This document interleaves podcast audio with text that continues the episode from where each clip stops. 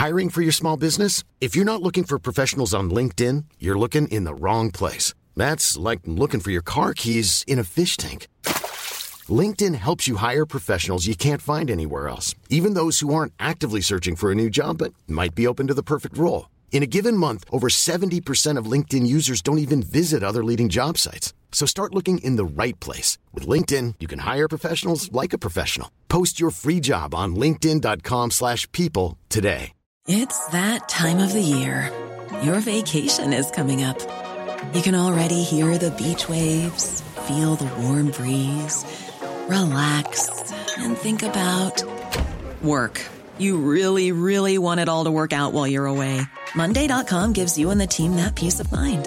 When all work is on one platform and everyone's in sync, things just flow wherever you are. Tap the banner to go to Monday.com.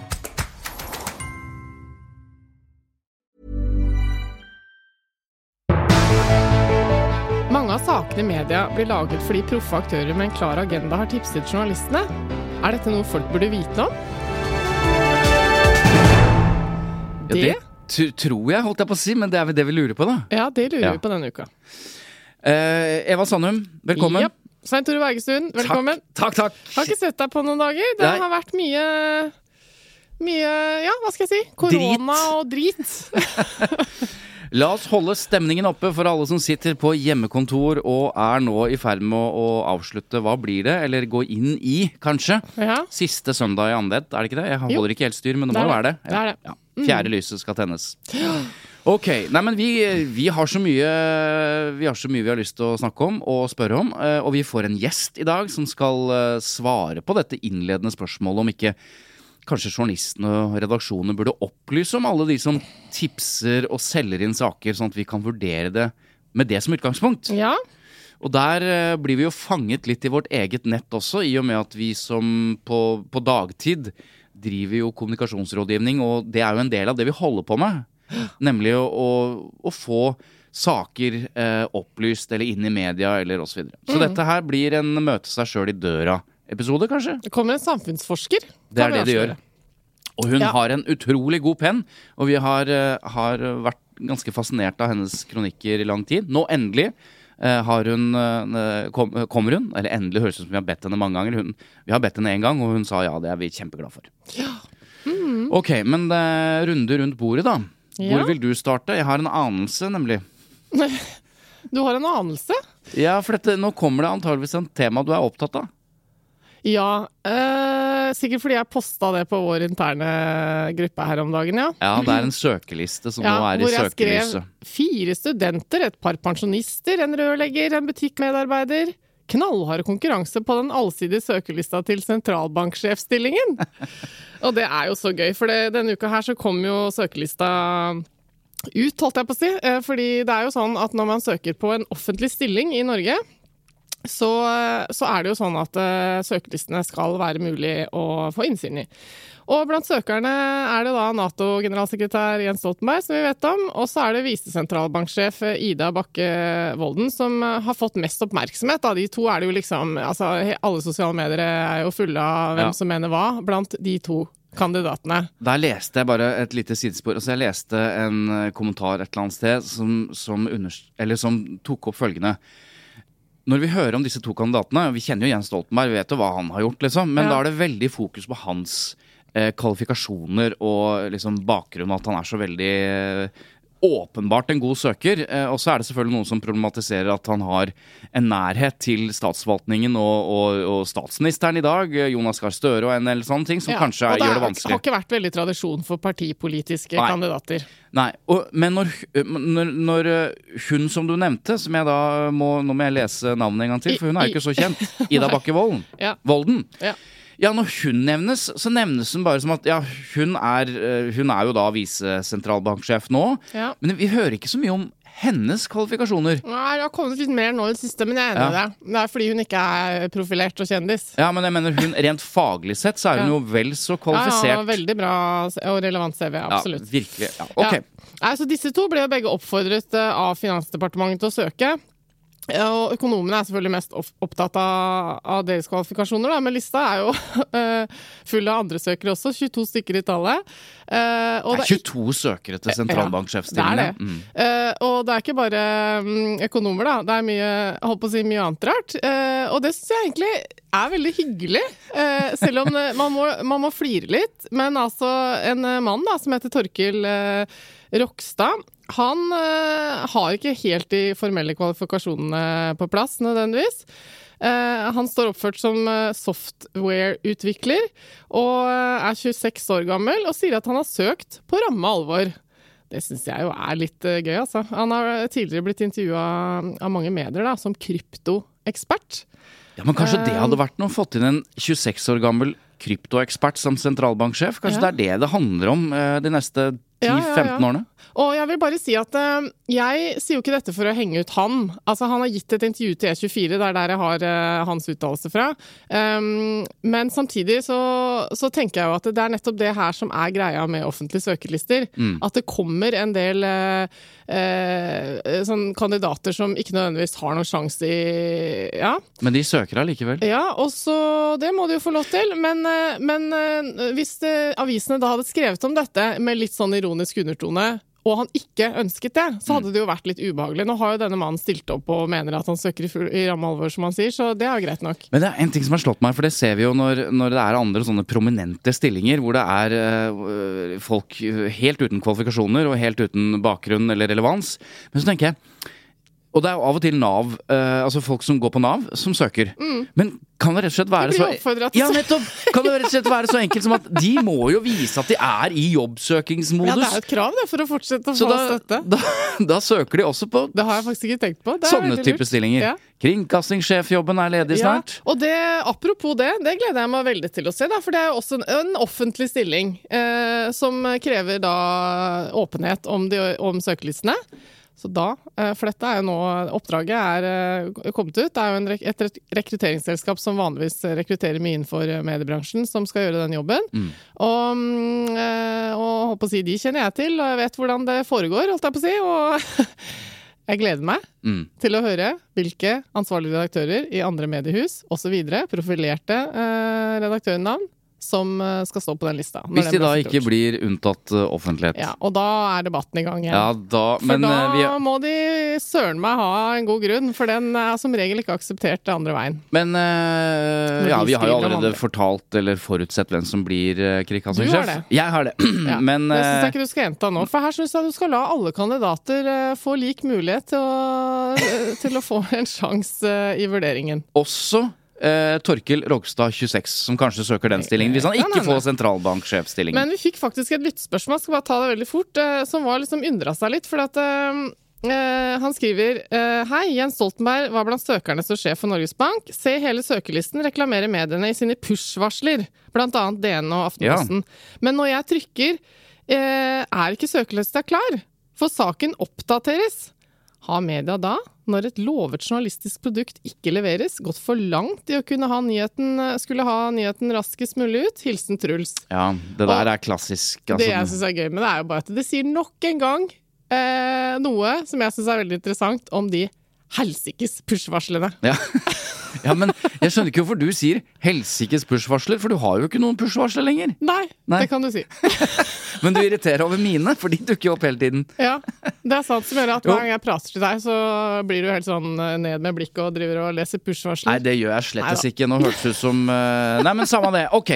Uh, men det som er spørsmålet her, er om Er det liksom Burde de vente til de har noe Saken inneholder noe, istedenfor bare se her, og så trykker du også. Ja, det er ikke noe informasjon, det er bare saken oppdateres.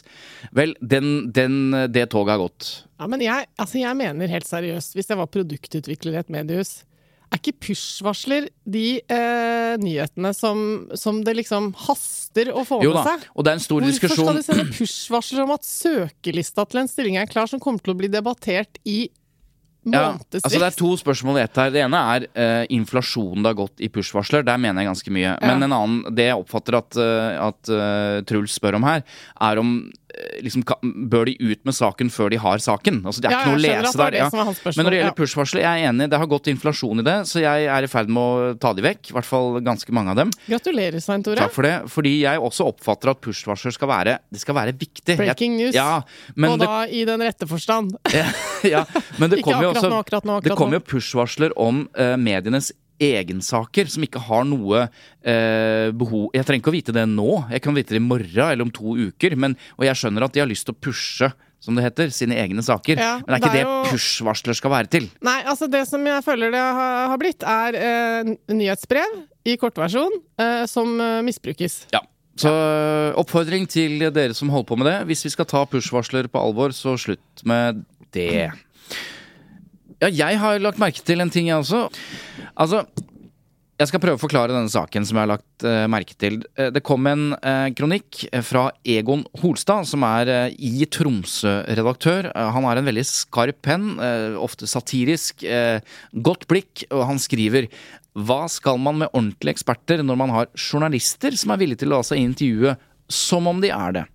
Og eh, han avlegger da koronakommentator i NRK, Halvor Sandberg, en skal vi kalle det en ubehagelig visitt. Altså, han har altså grepet fatt i Holstad, eh, et av mange sånne intervjuer som NRK gjør med denne NRK-eksperten, som veldig mange uh, Ja, han sikkert har kommer ofte inn i studio og, Og forklarer alt med ja. korona. Har veldig Og kunnskap. Det er kunnskap. utgangspunktet veldig fint. De har jo en økonomiekspert og Absolutt. Ja. Men han, eh, Holstad har, har merket seg et intervju som uh, NRK gjorde med NRK-reporteren, eller, eller kommenta kommentatoren, eh, der han Sandberg gir et sånn dramatisk anslag om hvor mange som vil bli smittet av omikron, og han kliner til med begrepet tidobling.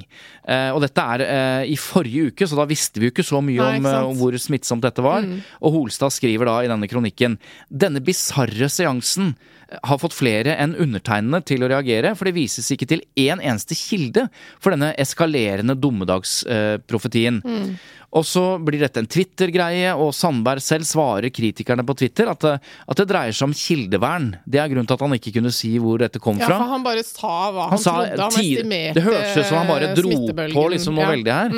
Eh, og da reagerer Holstad nettopp på dette også, og skriver da videre Kildevern det er et hellig prinsipp medier er særs nøye med å ivareta, men i denne sammenhengen blir det helt meningsløst å vifte med denne vimpelen. For han mener jo at eh, hvis han, hvis han kan si at det er en tidobling, så må han kunne si eh, Dette Hvor- kommer jo ikke fra en anonym kilde. Er du kilde. forsker, du, liksom? Ja, Mm. ikke sant? Og så avslutter ja, han da Det kan jeg være litt enig i at det er litt rart å si. Ja, jeg også leste det på den måten. Og så skriver Holstad til slutt Man må skille mellom dette og spre frykt gjennom interne intervju der kollegaer intervjuer hverandre uten at noen av dem har faglig innsikt i hva de snakker om. Hmm, ja, men han har vel kanskje det, eller? Ja, men så skjer jo det følgende at jeg var veldig sånn enig i dette her. Jeg tenkte at ja, det var godt. Jeg også syns det var en god kommentar. Eller morsom. Ja. Så kommer et svar. Ikke fra denne Sandberg i NRK, men eh, fra en professor fra Norges arktiske universitet. Og han skriver da Hva til heter han? Han heter Kristoffer Rypdal.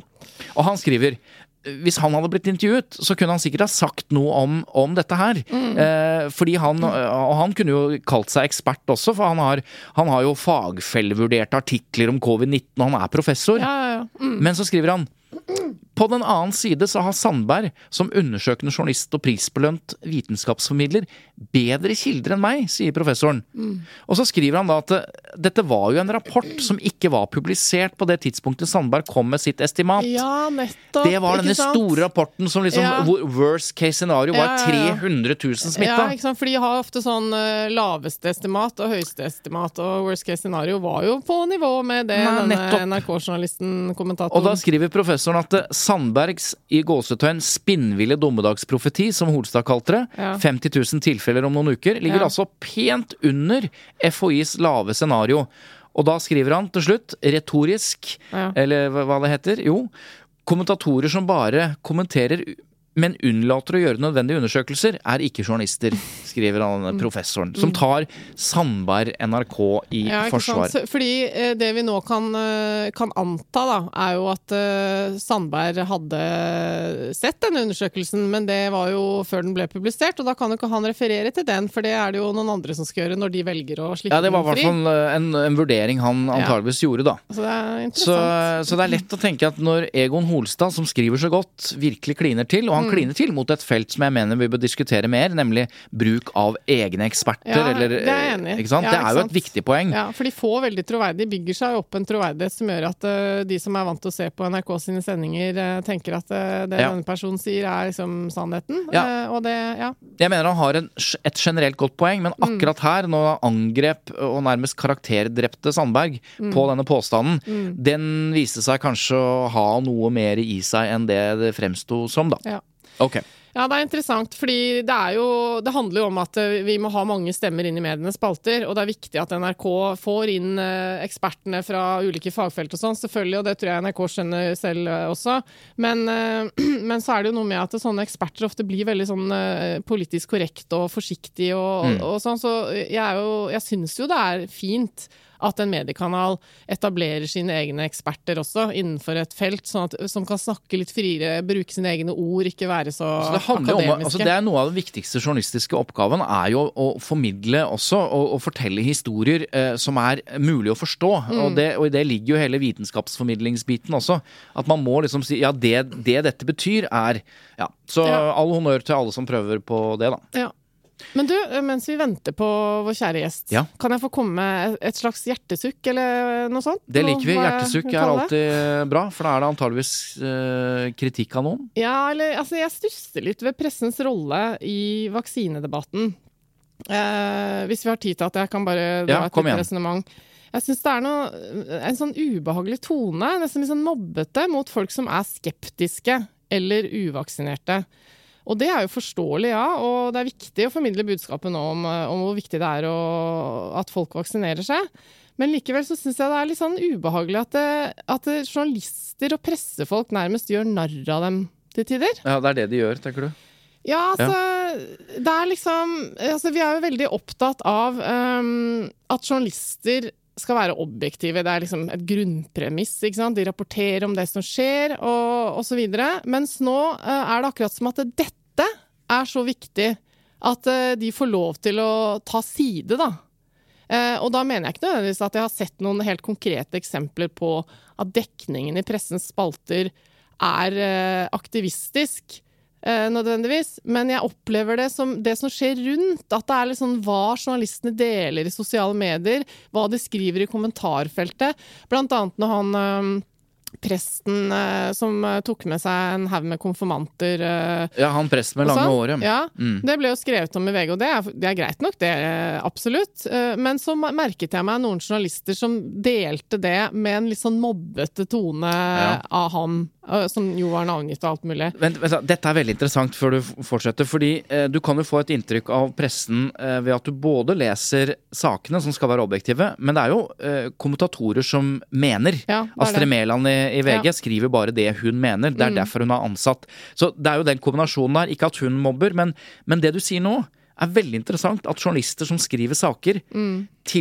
en, legger til en kommentar eller en morsomhet eller et eller annet som tydelig avslører hva, hva de også mener om den saken. Og det, Ja. det skal man være litt bevisst på, tror jeg. Ja, det er, liksom, det er vanskelig, fordi jeg så et innslag på TV 2 her om dagen hvor, eh, hvor de hadde et intervju da, på, på Teams eller hva det var, sånn, med en vaksineskeptiker. Eh, og jeg, jeg skjønner jo pressens eh, dilemma her, at eh, de skal jo slippe til alle stemmer og sånn, ikke sant? Og det gjør de jo da, ved å la en. Men så er det veldig sånn eh, revolverkritiske spørsmål. Eh, Han, altså, jeg sitter litt sånn, selv om jeg ikke er enig med skeptikeren nødvendigvis, så sitter jeg allikevel med en litt sånn ubehagelig følelse at eh, jeg skjønner så godt at dette er et menneske som da er invitert inn uten at man er interessert i å lytte.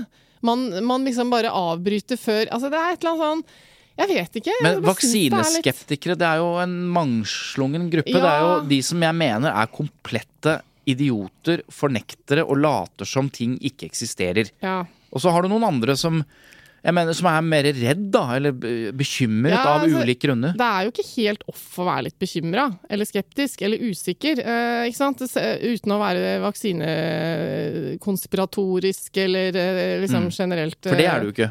Nei, jeg er jo ikke det. Jeg har jo tatt alle vaksiner jeg skal og sånn, så det handler ikke om det. Men, men det har jo vært vanskelig å rapportere om bivirkninger. Jeg synes i hvert fall, eh, jeg har ikke fått noe særlig informasjon jeg, om hva man skal gjøre, annet enn at du må gå til fastlegen. Og det er det ingen som gjør nå. Man blir jo bedt om ikke gå unødig til legen. Og til slutt så fant jeg ut at jeg kunne gå inn i helseappen og, og registrere noe greier. Så det har kommet frem en del ting ikke sant, om hormonforstyrrelser, uteblitt menstruasjon, mm. sånne ting. Eh, og, og, i tillegg så er det jo sånn at uh, helsemyndighetene er jo åpne om at uh, selv om dette er en av nå, har det blitt en av de mest gjennomtesta vaksinene på den måten at uh, det er så jævlig mange i hele verden som ja, har tatt det. Ja, det er jo ingen vaksiner som er testet så mye, så hurtig, Nei, så så det kan du si. Det begynner å gå seg til litt nå, men jeg syns jo ikke det er rart i starten at man hadde sine betenkeligheter, kanskje på vegne av barna sine, ikke sant, som er i puberteten, ettersom mm. det har vært mye snakk om at det er hormonforstyrrelser hos kvinner og sånn. Og, og det, grunnen til at jeg tenkte på dette, var um, at det nå forleden dag, altså denne uka her, så var det jo veldig sånn sterke oppfordringer fra leger på nyhetene direkte i kamera om liksom gå og vaksiner dere. Og det er greit nok, det er viktig. Vi og fra statsministeren. Ja. Ta vaksinen. Eh, men eh, så så jeg også at det var en lege som snakket om at alle gravide, nå må dere vaksinere dere, for det hadde vært en del gravide. ikke sant. Og eh, det er jo ikke så rart. Poenget mitt er bare at det, eh, det er litt sånn ubehagelig. For at dersom man er litt i tvil eller litt usikker, litt redd fordi man bærer et barn i magen eller har unger i puberteten osv., så, videre, så blir man liksom satt litt i bås som de gærne vaksineskeptikerne, da. Mm. Og det er jo ikke nok, selv om dette er en gjennomtestet vaksine, så er det jo ikke nok kunnskap på ett og et halvt år, eller ett år siden disse vaksinene kom. Så jeg syns det er litt sånn Jeg liker ikke det at journalistene skal skal gi en sånn mobbete undertone. Okay. Skjønner du? Hva ja, jeg, mener? skjønner det. Og så tenker jeg, når du sier at uh, har, jeg, har, jeg, gjort det samme? Altså, for jeg la ut en, en tweet, uh, og så sa jeg at du som ikke vil vaksinere deg, og kanskje legger beslag på ressurser i helsevesenet, jeg håper du overlever, jeg håper du blir frisk, men jeg håper du snart går opp for deg hva du holder på med. Altså en ganske knallhard eh, ja. personlig oppfordring til Må du ta deg sammen, liksom. Det mener jeg. Og, det er jo ut fra at jeg ser Eh, og dette er jo bakteppet at veldig mange Eller de er overrepresentert da, mm. på intensivavdelingen. Ja, så der står sykepleiere og gråter mm. fordi de må liksom bruke masse tid, ikke bare på alle som er sjuke, men på de som nekter å ta vaksinen, og som mm. blir kjempesjuke. Ja. Og som opptar plass. Og det, og det er klart, det er provoserende. Hvis, hvis de som ikke har tatt vaksine, er de der idiotene som ikke tror dette finnes da er det liksom sånn Da kan du nesten bare ligge der. Ja. Men jeg skjønner at det er ja, an andre Dette er jo ikke et innlegg i vaksinedebatten Nei, sånn sett fra min side. ikke sant? Jeg syns det er helt greit at du skriver det du gjør, og det gjør jo tusenvis av mennesker på sosiale medier hele tiden. Det har jo blitt en greie nå at alle driver i alle kommentarfelt og er sure. Det er veldig oss mot dem, jeg er enig i det. Dere som eh, vaksinerer ja, dere. Men hovedpoenget mitt er jo egentlig journalistenes rolle i det. Eh, fordi det er mye snakk om dette, journalist eller aktivist. ikke sant? Du, du, er du journalist, så skal du ikke være aktivist. Og jeg opplever at det er i ferd med å tippe litt over til at journalistene har blitt aktivister for å få folk til å vaksinere seg. da. Og det syns jeg egentlig ikke er helt eh, på sin plass. Så da fikk dere den, alle som eh, driver med den slags. Ja, men jeg syns det er betimelig. Ja, takk. takk. ok, så da er vi ferdig med Egon eh, Holstad. Han eh, Flink til å skrive, har penn, men han fikk, et, han fikk svar på tiltale, for å han si det sånn. Ja. Dagens hovedtema er jo veldig interessant, Svein Tore. Og også kanskje litt sånn ambivalent fra vår side. Eh, fordi vi to, og kanskje spesielt deg, da oh ja. Spesielt meg. sitter jo midt oppi suppa, egentlig, eh, mm. i det vi skal snakke om. Ja, altså Jeg er jo da en fyr som delvis lever av å bistå profesjonelle aktører med å få eh, gjennomslag, uh, eller få løftet opp sine ting, annet i media. Nå er det en sånn misforståelse at kommunikasjonsrådgivere bare driver med å få ting inn i media. Det er en bitte liten del av det vi holder på med. Ja, men, jeg, ja, men, det er jo spesielt du som gjør det, og ikke jeg blant oss to. Da. Det er derfor det er litt interessant. Og det vil jeg bare ha understreket, for jeg driver ikke og selger inn til media. Nei, men, eh, men, det er helt riktig. Og, og, det betyr at noe av min eh, verdi som godt betalt rådgiver eh, er at jeg veit hvordan journalister eh, jobber og tenker. Og det er jo en kompetanse jeg har fått fordi jeg har jobbet 15 år som journalist og redaktør ja. selv. Og nå skal jeg bare komme med en disclaimer til deg. da, og det er Pass på nå ikke du snakker så det fremstår som at du selger deg sjæl. Er ikke det hele poenget med den podkasten her? At vi driver snikreklame av det vi egentlig holder på med? Nei. Godt betalt rådgiver osv. Ja. Ja, altså, eh, Det er helt riktig, men jeg tenkte i åpenhetens navn Ja så prøver vi å være så Nå åpne snakker som vi vi om kan. dette temaet, så jeg bare Nettopp. sier det, så det er sagt. Takk. Eh, Du er jo mitt korrektiv i livet, så det er veldig bra. Ja. Nei, Det er betyr jo at uh, derfor kan jeg jo gi eh, ikke reklamete, relativt gode råd om eh, hva som skal til for at journalister eh, vil skrive om et tema eller en sak. Så i praksis så, så bistår jeg bedrifter og aktører med å, med å liksom tipse journalistene om temaet som de ønsker å komme på dagsorden. Og så gir jeg dem eh, f.eks. innspill på hvilke tall de bør innhente, eller hvilke eksempler som finnes der ute. Vi bistår så godt vi kan, sånn at saken skal bli opplyst, da.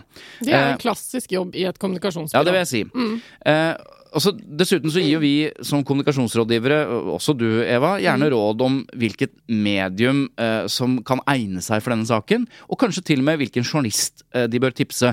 Ikke fordi noen journalister er lette å lure, for det, vi, kan jeg komme tilbake til, vi driver ikke og lurer, men fordi en journalist kan dette temaet, eller er interessert Ja, i det temaet. Og det er jo ikke så lett å vite uh, hvem, hvem av journalistene som jobber med disse tingene. Ok, Og så, uh, så Og dette kalles av og til en pressepakke, hvis, hvis man lager en sånn svært rigg. Det er veldig sjelden jeg gjør, og kaller det ikke det, men jeg, men jeg er i kontakt med, med journalister. Og, og dersom det funker, da, og de velger å skrive den saken, så, så kan jo det budskapet få en verdi, og det er til og med mulig å regne om en slags reklameverdi, fordi det som kommer på trykt i redaktørstyrte medier eh, i, som redaksjonell omtale, er jo mye mer verdt enn det som kommer på neste side, som er betalt eh, markedsføring, altså reklame, da, eller annonser. Ok, så langt. Så har jeg lyst til å si en ting eh, før denne selvpiskingen eh, blir litt sånn ubehagelig. Altså, dette skjer i all åpenhet. altså, jeg driver jo det er jo noen kommunikasjonsbyråer som driver lobbyvirksomhet. Mm.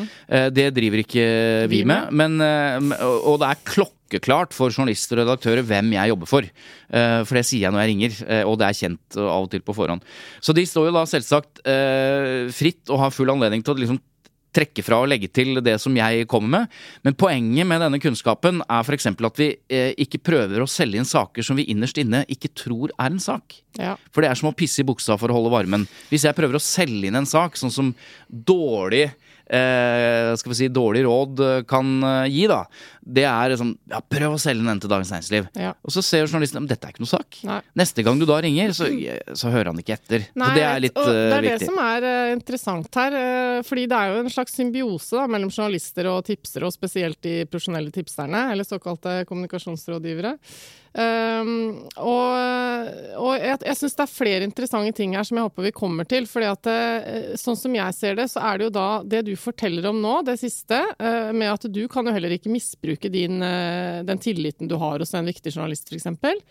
Det er jo en sånn uskreven regel eh, eh, om at eh, den journalisten ikke eh, liksom kan blåse deg eller skrive plutselig at det var du som ringte og sånn. Og det er det som er litt interessant her. At det, Ja, det også er inne på. Måte, det er på en måte oppe og vedtatt blant etablerte journalister som stadig vekk snakker med kommunikasjonsrådgivere, at den, det mellomleddet, det holdes uh, hemmelig på et vis. Altså, det, ikke nødvendigvis for hem, Nei, nei, det er, det er i åpenhet, men, sånn det kommer er ikke i artikkelen. Nei. Ikke sant? Og det er vel uh, litt av det vi syns er interessant å diskutere i dag. Og nå sitter Eva og ser bort på gjesten som vi har fått, uten at vi har introdusert gjesten. Men dette var på en måte vår uh, introduksjon til temaet. Ja. Så kan jo du introdusere gjesten. Eh, ja, for nå er det altså en forsker fra eh, Institutt for samfunnsforskning som ønsker at mediene skal være åpne om hvem som tipser dem om disse sakene, eller har gitt dem innslaget, da, som det gjerne kalles blant journalister og kommunikasjonsrådgivere. Og I en kronikk i Aftenposten så har denne forskeren eh, utfordret journalistene til rett og slett å vise det fram. Eh, altså hvilken aktør som eh, hadde disse tipsene, og gjerne også hvilke relevante case og eksempler som journalisten har fått tilbud om å bruke. Og Det syns jeg er egentlig et veldig interessant forslag. Forskeren heter jo da Kjersti Torbjørnsrud, og hun sitter faktisk her nå sammen med oss. Velkommen.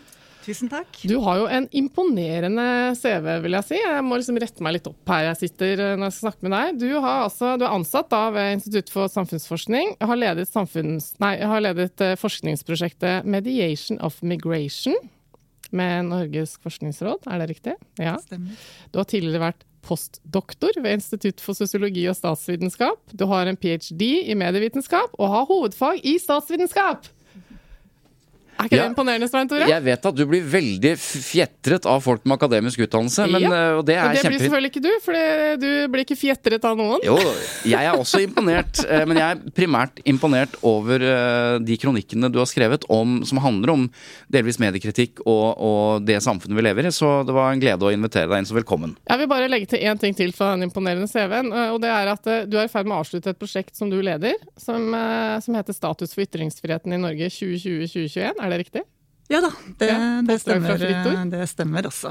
Er det det du driver med nå for å komme i land eh, før jul? Ja. Ja, det er det. Og så har jeg nettopp avsluttet et, også et stort prosjekt om helse og medier. Eh, Så det var litt derfor eksemplene kom om eh, helse. Ja. eh, Innsalg av helsesaker. Eh, For der Altså noe av det jeg har gjort i flere av de prosjektene som du ramser opp, sammen med kolleger.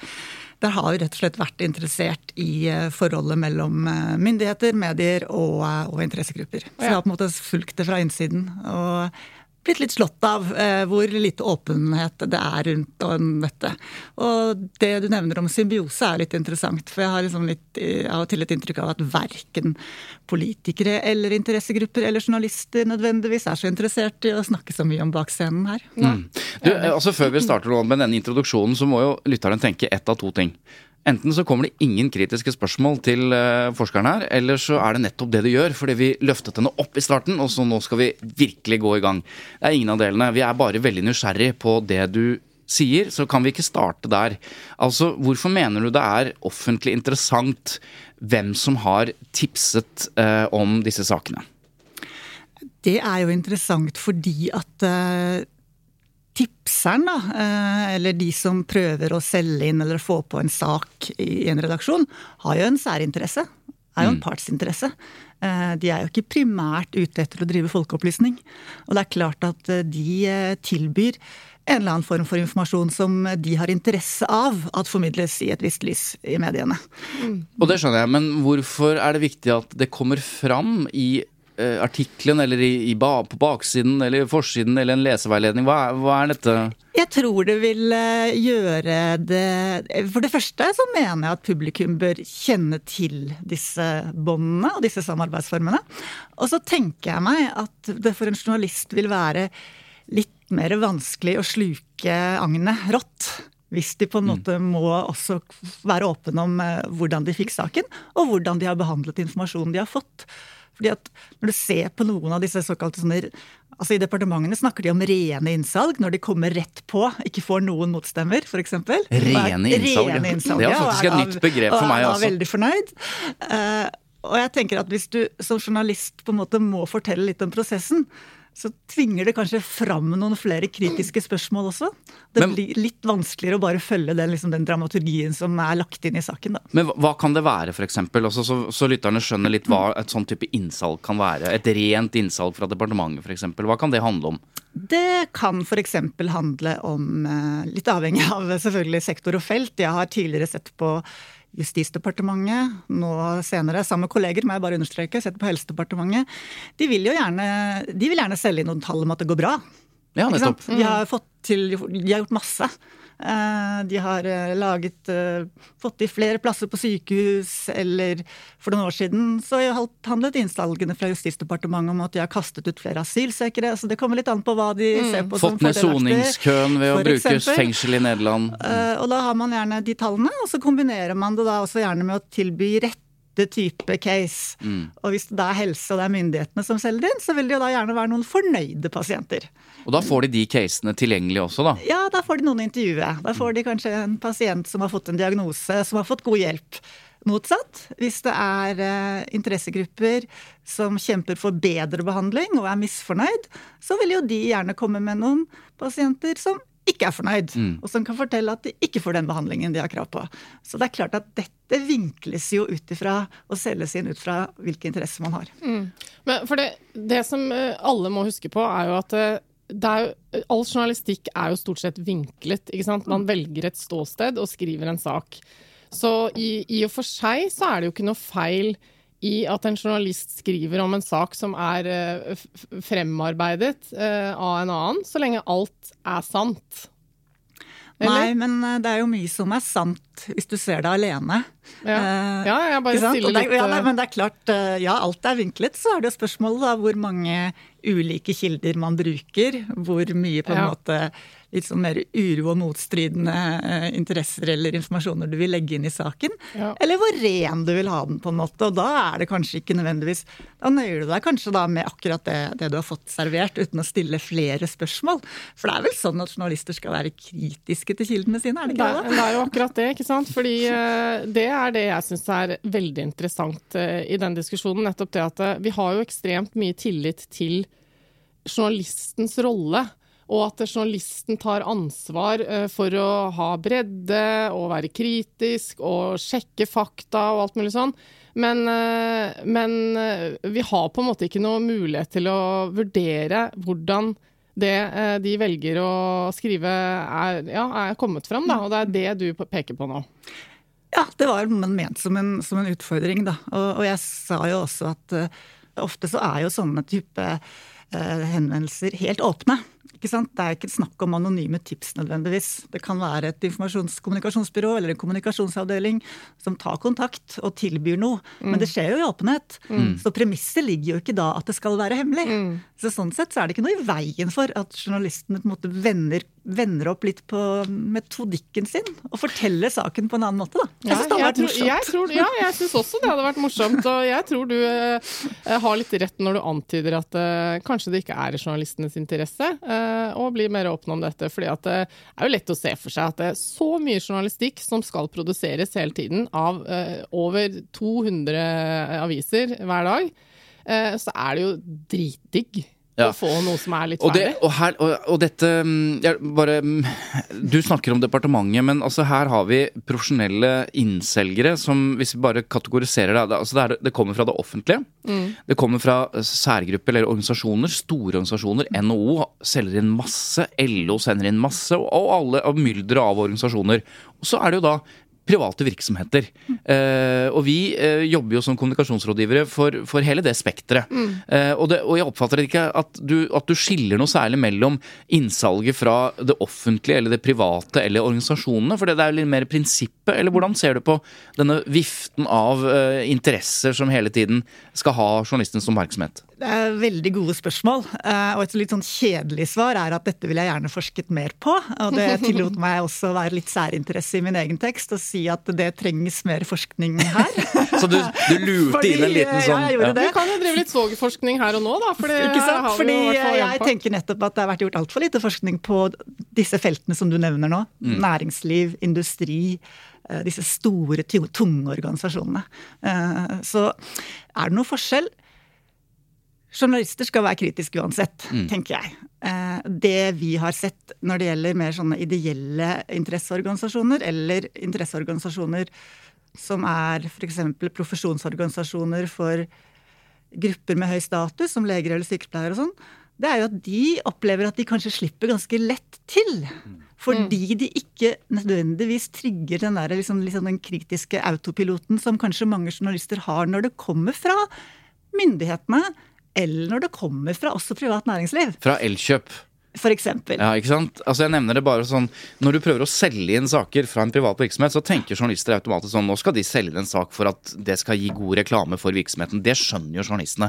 Men er det en god nok sak, så spiller det ikke noen rolle. Og, det, og jeg husker uh, en uh, journalist som heter uh, Gøran Skålmo, som er en venn av meg i all åpenhet, men også er en som jeg har forholdt meg til som journalist og gitt han mulighet til å se på saker jeg jobber med. Gitt han, legg merke til formuleringen. Gitt han muligheten til å se. Men poenget er han, han sa det ganske greit på en Scoop-konferanse, en sånn journalistkonferanse, at det spiller jo ingen rolle for meg hvor tipset kommer fra. Om det kommer fra Svein Tore på vegne av en kunde, eller kommer fra en eller annen som har en kjempeinteresse av å henge ut sjefen sin, eller det kommer fra en ideell virksomhet som aldri får oppmerksomhet. For jeg vurderer jo saken ut fra hva er fakta?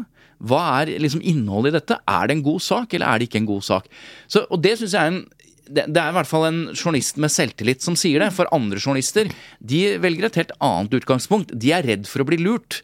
Det er ikke Gøran. For han stoler på sin egen vurdering som journalist. Ja, men Skjønner du hva jeg mener? Ja, ja, At det- at du, det, det, det er jo det viktigste poenget, syns jeg. At det er nettopp det. At vi legger veldig mye tillit over på journalisten. eh, Og hvis alle er som Gjøran, så funker jo det ganske bra. Hvis alle har en god eh, kritisk refleks. Men så er det jo lett å se for seg at det er en del uerfarne journalister der ute.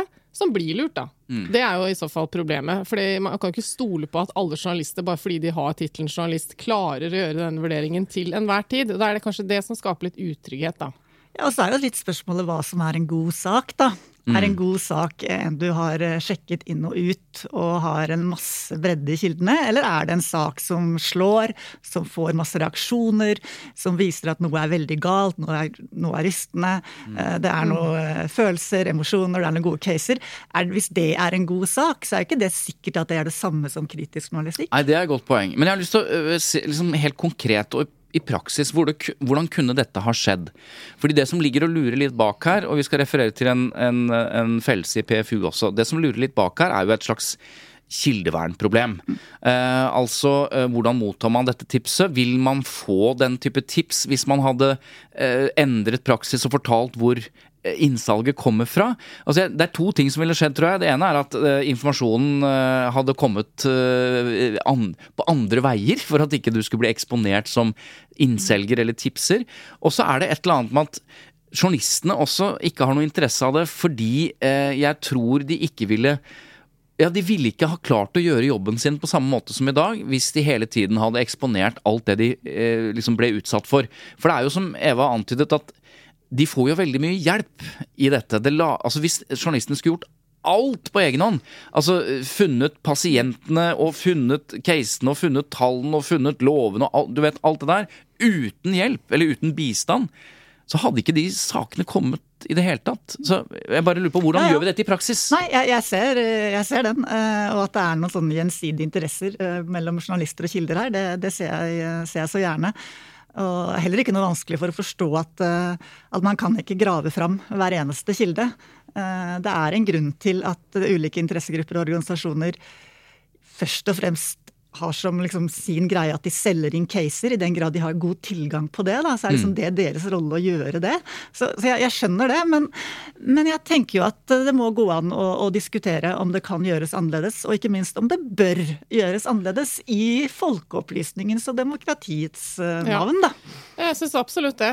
Eh, Det som jeg ser for meg, er, at eh, dersom det ble satt ned et utvalg som skulle se på dette, da, så vil man jo møte på en utfordring. Og det er at eh, kommunikasjonsrådgivere som oss, som har en kunde som eh, ikke har kommunisert i offentligheten før, de har akkurat starta en virksomhet, et eller annet, har en historie å fortelle, klarer ikke å formidle sin historie godt. For det gjelder jo de fleste, klarer jo ikke å gjøre rede for seg. Altså, sånn De fleste er hjelpeløse, la oss bare være enige om det. Og de trenger vår hjelp, hvis ikke så kommer de ingen vei. Veldig mange vei. er ganske hjelpeløse. Ja da, det altså, det, sant. må være lov å si. Altså, når det kommer til kommunikasjon Eller i hvert fall uerfarne. ja, og, da, ja, og da mener jeg jo at eh, man klarer å gjøre rede for seg et middagsselskap hvor man har tre timer over noen flasker vin, men man klarer ikke nødvendigvis å gjøre rede for seg når man bare får lov å si tre setninger til en journalist eh, i en lang artikkel osv. Uh, men eh, poenget mitt er at eh, det kan jo da gjøres, sånn som jeg ofte gjør. Man lager en eh, kommunikasjonsstrategi, man hjelper denne aktøren å skrive, skrive sin fortelling på en måte, sånn at det er litt lettere å fortelle den historien kort og presist og uten eh, krumspring og sånn. Men så eh, også gir man kanskje råd om alle disse tingene som Svein Tore var innom. bør, hvor bør dere være, hvilke medier bør dere fokusere på, alt mulig sånn. Men så gjøres selve kontakten med media selv.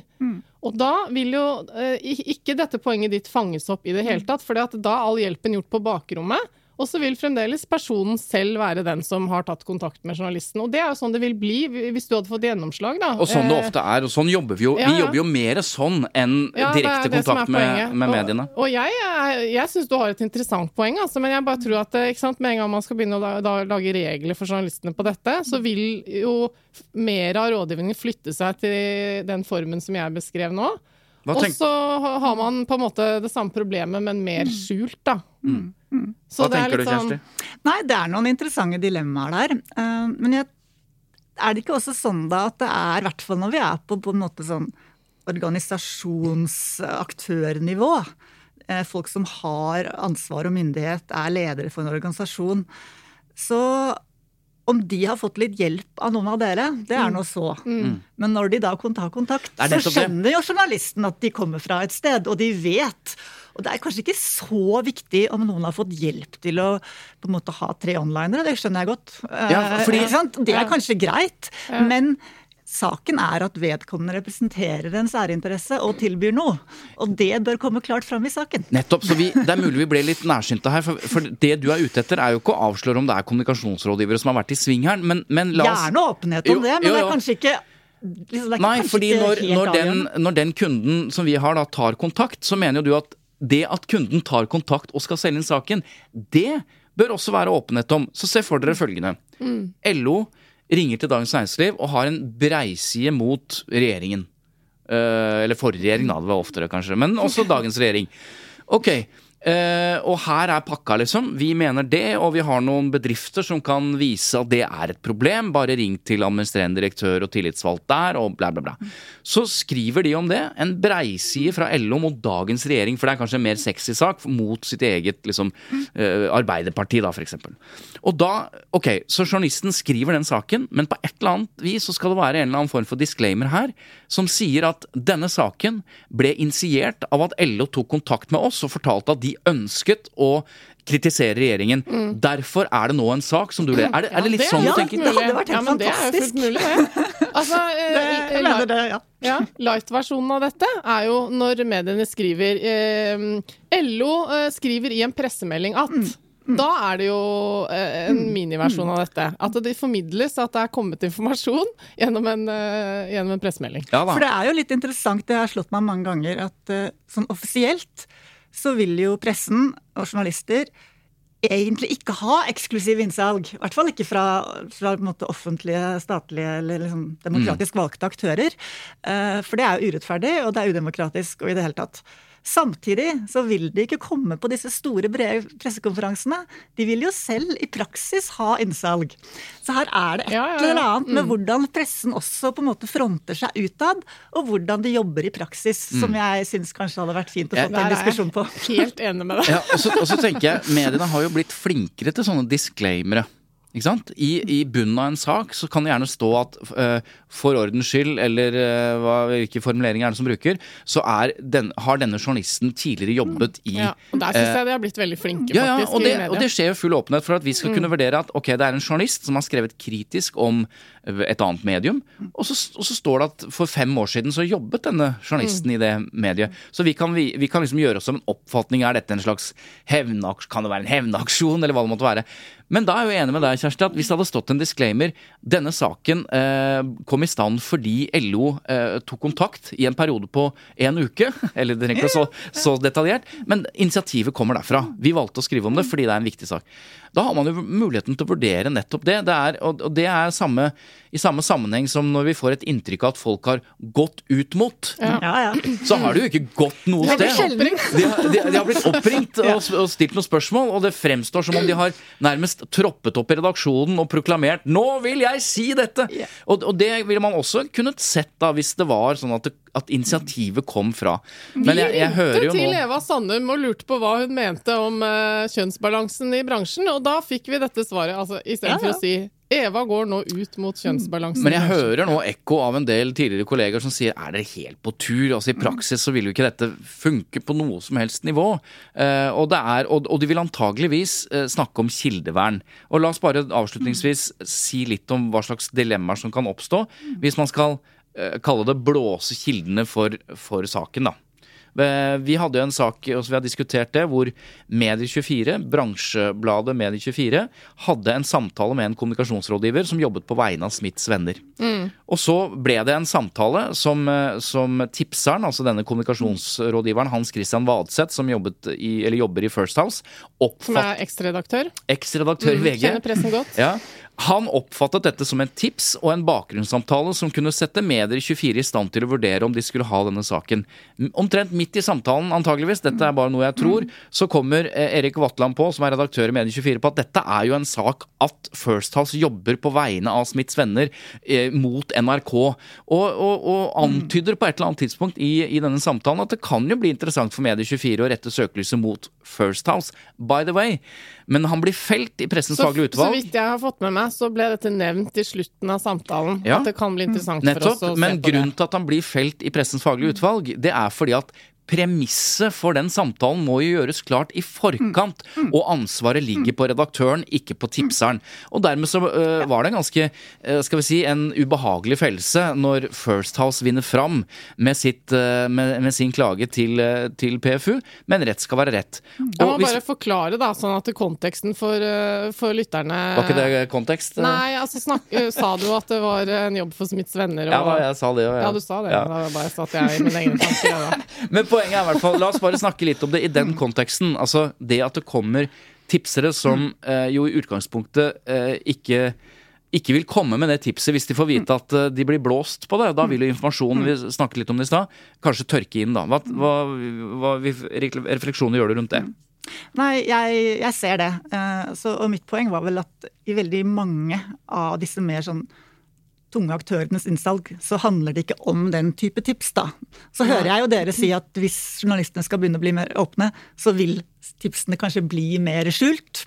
Det kan jo være en, en bivirkning som man, som man, ikke ønsker. Ja, Eller at journalistene bare sier at dette er, eh, dette er kilder. og Jeg kan ikke avsløre ja, men det tenker jeg det er trenger de egentlig ikke å si. Hvis, liksom, hvis disse, når en, når en øh, interessegruppe tar kontakt med NRK, så gjør de ikke det i hemmelighet. Og, men det er klart at da må premissene være klare fra start. Og det skjønner jeg også er journalistens øh, oppdrag, da. Ja. Det, det, men ellers så mm, mener jeg også at hvert fall når det gjelder altså disse tipsene, sånn som jeg har vært opptatt av i politisk journalistikk, da, at man skal være mye mer forsiktig med å hvordan man behandler de også. I hvert fall å bruke anonyme kilder. Eh, fordi det også åpner for en form for bakscenespill som jeg ikke vet om egentlig kommer verken politikken eller journalistikken til gode i det lange løp. Ta noen hypotetiske eksempler, så vi vet hva vi snakker om der også. Hva kan det Nei, dreie seg om? hvis en, eh, en eh, kilde i et parti har et eller annet uh, ubehagelig eller kritisk om en motstander i samme parti, da, så det er en maktkamp f.eks., og helt klart har en interesse i at det kommer et eller annet kritisk om, om eh, den vedkommende er i en eller annen form for maktkamp med. Mm, det er jo en klassiker. Det er en veldig klassiker. Mm, men det det- syns jeg jo det er mye av. Det er det mye av fortsatt. Eh, Men det, er, men det er noe litt annet, da. Da er det jo på en måte, da er det et skjult eh, tips, og så må jo journalisten vurdere om det skal bli en sak av det. Og det blir jo ingen sak hvis vedkommende vil bruke navn der. Og da må man kanskje heller legge bort saken. Eh, Men jeg syns likevel altså, det er interessant å, å, å leke litt mer med tanken på den type innsalg som ikke handler om anonyme tips, da.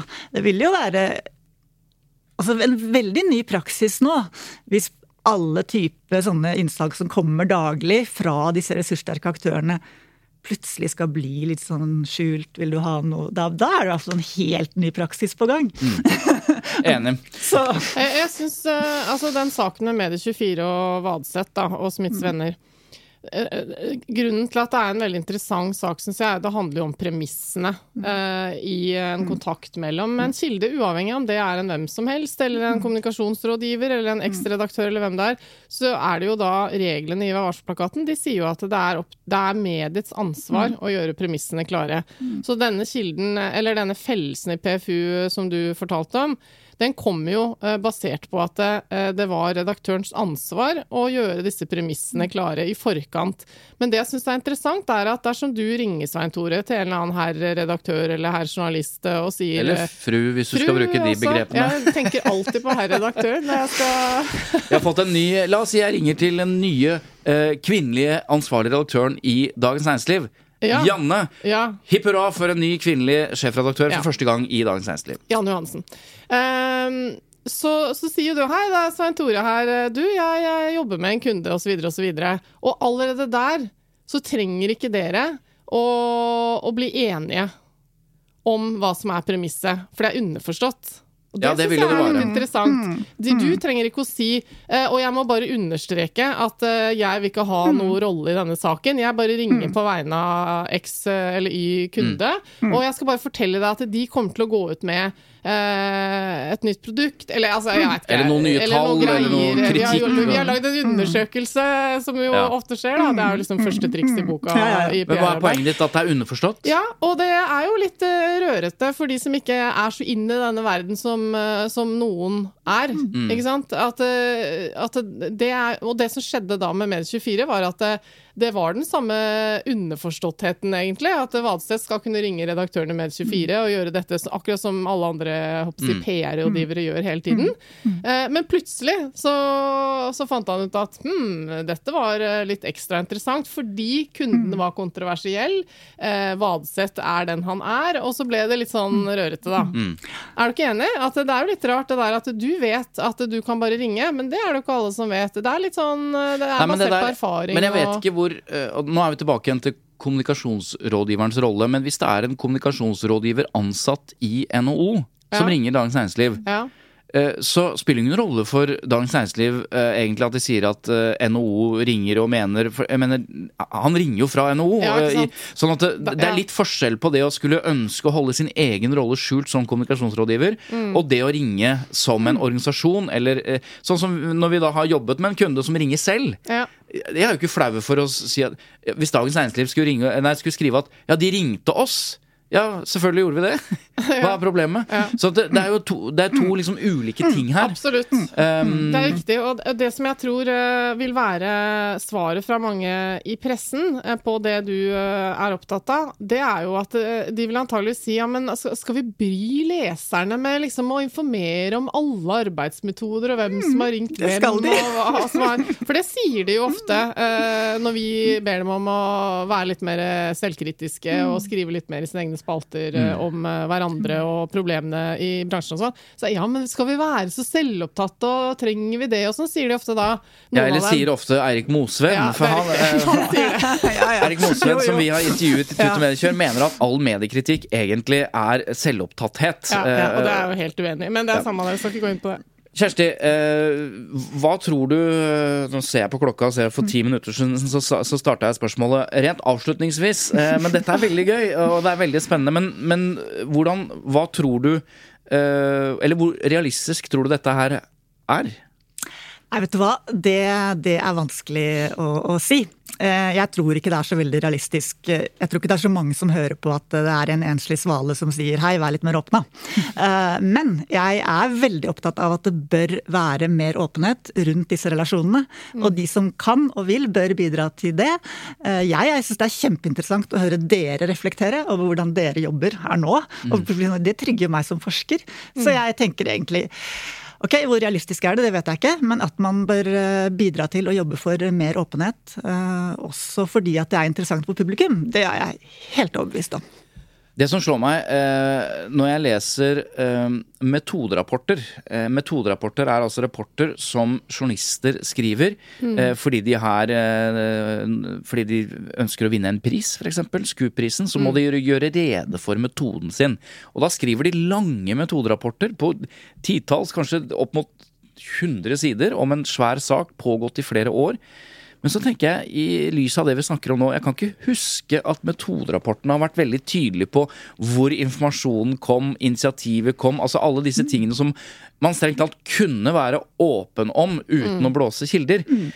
Så man prøver hele tiden, naturligvis, å downplaye liksom, rollen til de andre. Fordi Ja. man, for det vil jo gjøre at man mister noe av sin egen eh, si, eh, ære, da, i Ja, at man har gravd fram alt dette. Ja, For man har ikke gravd fram alt. Man har fått det servert. Mm. Og det, ja, nei, jeg kjenner at dette bør vi egentlig forfølge litt. Grann. Mm. Eh, eller er det problematisk i og med at vi har den dobbeltrollen? Jobber vi mot oss selv da, egentlig? Det syns jeg ikke vi skal være noe redd for. Altså, vi har jo ingenting å skjule. Altså, jeg syns jo det er, veldig, det er veldig viktig å understreke, sånn som jeg oppfatter deg, Kjersti. Eh, det du nå eh, sier, er jo at du syns at pressens representanter skal være mer åpne. Det som ofte er diskusjonen, er jo de jævla kommunikasjonsrådgiverne, PR-rådgiverne. Det er så mye hemmelighetskremmeri og greier. Men ditt poeng er jo egentlig at det, men hallo, journalister, se litt på dere selv. Hvor åpne er dere om eh, hva dere får hjelp til eh, på bakrommet? Og det syns jeg jo er veldig interessant, for dette går jo begge veier og er i begges interesse. Det at det, det kommer masse informasjon fra forskjellige steder. Helt avslutningsvis, Kjersti. Så eh, jeg har jo litt omsorg for de redaksjonene som er små. Altså Nå tenker jeg på bransjetidsskrifter, lokalmedier, som jo har så lite kapasitet at hvis vi f.eks. skulle selge en pressemelding, og de skulle ta ja ja, fint utgangspunkt, men la meg gjøre hele dette arbeidet på nytt, og gjøre hele intervjuet på nytt. Eh, det gjør de ikke, for det har de ikke tid til. Eh, og de, og de, la, de, de publiserer mer eller mindre pressemeldingen. Fordi det er et slags pragmatisk spørsmål, et praktisk spørsmål om det hele tatt. Og det er der jeg kjenner litt omsorg. at hvis, hvis denne åpenheten på en måte hadde gått for langt, så er det sånn Nei, jeg er uenig med meg selv igjen. Det er klart Åpenheten er bra, men vi må jo da også være åpne om at det er sånn sakene blir til. Og så får de heller stå i det, da. Mm. så Det var- det var et spørsmål som jeg selv besvarte. Ja, jeg ser ja, ikke sant? Så, men jeg, kan jo, jeg vil da gjerne tilføye at jeg utfordra jo særlig Dagsrevyen. Som jo er kanskje den redaksjonen med mest ressurser i hele Norge. Eh, Så jeg gikk ikke akkurat rett på lokalavisa Nei, sånn i første sant. omgang.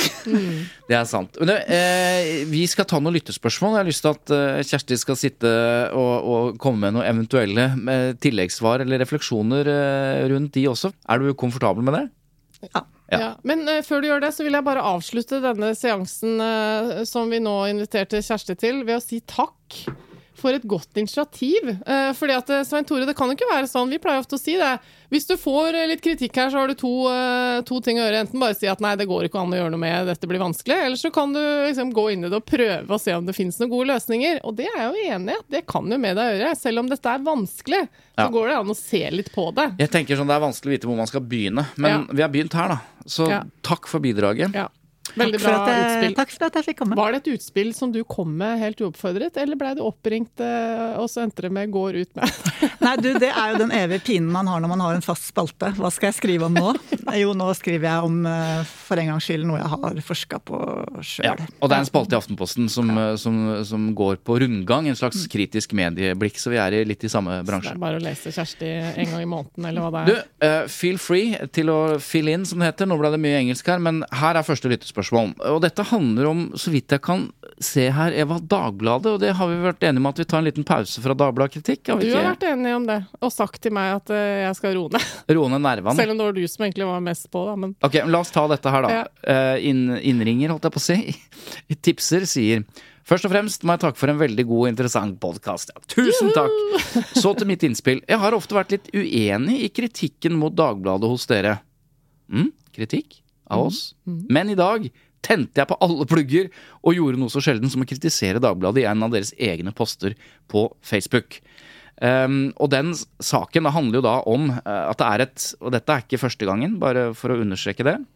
Det er et bilde av en eh, by som ikke er lett gjenkjennbar. Det kan være Når jeg ser på den nå, så tenker jeg ja, det er en elv, det er noen kirker, det er ok, det er en by. Og så står eh, teksten antall uh, omikron-tilfeller har steget kraftig siden i går, så smittespredningen går dessverre veldig raskt akkurat nå. Slår alarm, smitten tredobler seg.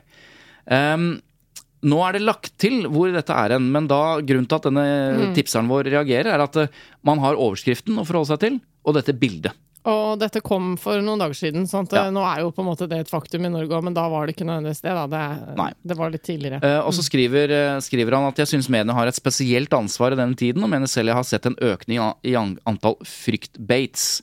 Også i mangel på et bedre ord da det siste året. Samtidig som jeg synes det inntil nå har manglet litt på kritiske spørsmål til myndighetenes tiltak, som virker å ha bred støtte i befolkningen. Uh, ja, og så skriver han da i hvert fall at, uh, at uh, jeg forstår den økonomiske modellen Dagbladet og andre gratis nyhetskilder jobber etter, men denne syns jeg var ganske usmakelig, for inntrykket for at 99% av de som ser denne saken på Facebook uten å klikke, er at det handler om Norge, og ikke da-ta-da-da, Danmark. Det var også et bilde av, så vidt jeg kan nå se, eh, København. Ja. Men det var ikke noe Det var ikke den lille havfrue, Nei, nei det var liksom men, ikke noe eh, gjenkjennbart. sant, så, så poenget her er jo eh, at man villeder, og dette har jo vi snakket mye om. Altså at man, eh, man skaper en forsidesak for å gi et inntrykk som er litt nærmere.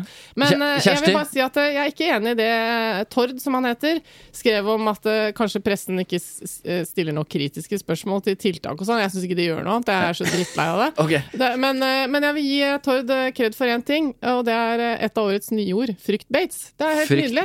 Det er eh, det nye klikkbeitet. Det er å spille på frykt i hele Mm. koronaen. Så det skal du ha virkelig kred for, eh, Tord. Det skal jeg adoptere inn i mitt vokabular. Kjersti, gir du Dagbladet the benefit of the doubt? Var det tilfeldig at de valgte et litt oversiktsbilde av en by og skrev overskriften og håpet på at folk skulle skjønne at det var Danmark, eller hva, hvordan tolket du denne, denne saken?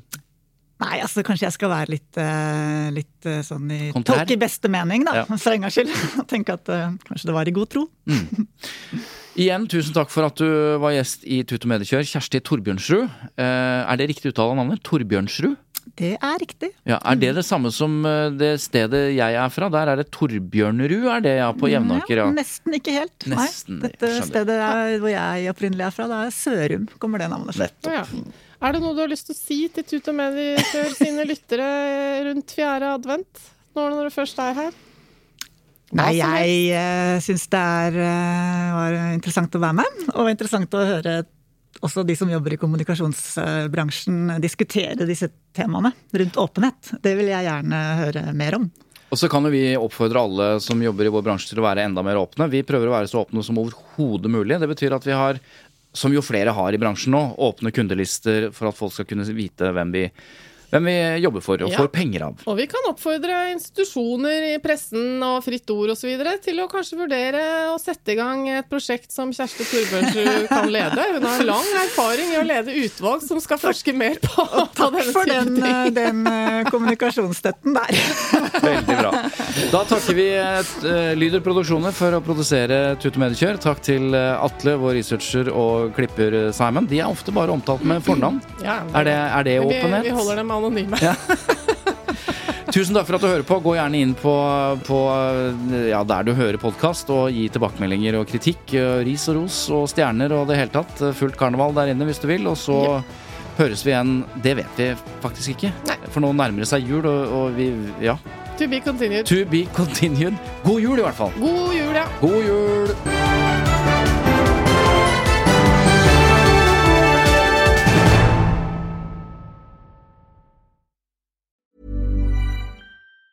Normally, being a little extra can be a bit much, but when it comes to healthcare, it pays to be extra. And United Healthcare makes it easy with Health Protector Guard fixed indemnity insurance plans. Underwritten by Golden Rule Insurance Company, they supplement your primary plan, helping you manage out of pocket costs without the usual requirements and restrictions like deductibles and enrollment periods. So when it comes to covering your medical bills, you can feel good about being a little extra. Visit uh1.com to find the Health Protector Guard plan for you. When you make decisions for your company, you look for the no brainers. And if you have a lot of mailing to do, stamps.com is the ultimate no brainer. It streamlines your processes to make your business more efficient, which makes you less busy. Mail checks, invoices, legal documents, and everything you need to keep your business running with stamps.com. Seamlessly connect with every major marketplace and shopping cart. Schedule package pickups and see your cheapest and fastest shipping options from different carriers with rates up to 89% off USPS and UPS rates. And with the stamps.com mobile app, you can take care of mailing and shipping wherever you are. Make the same no-brainer decision as over 1 million other businesses with stamps.com. Sign up with code program for a 4-week trial plus free postage and a free digital scale. No long-term commitments or contracts. That's stamps.com. Code program.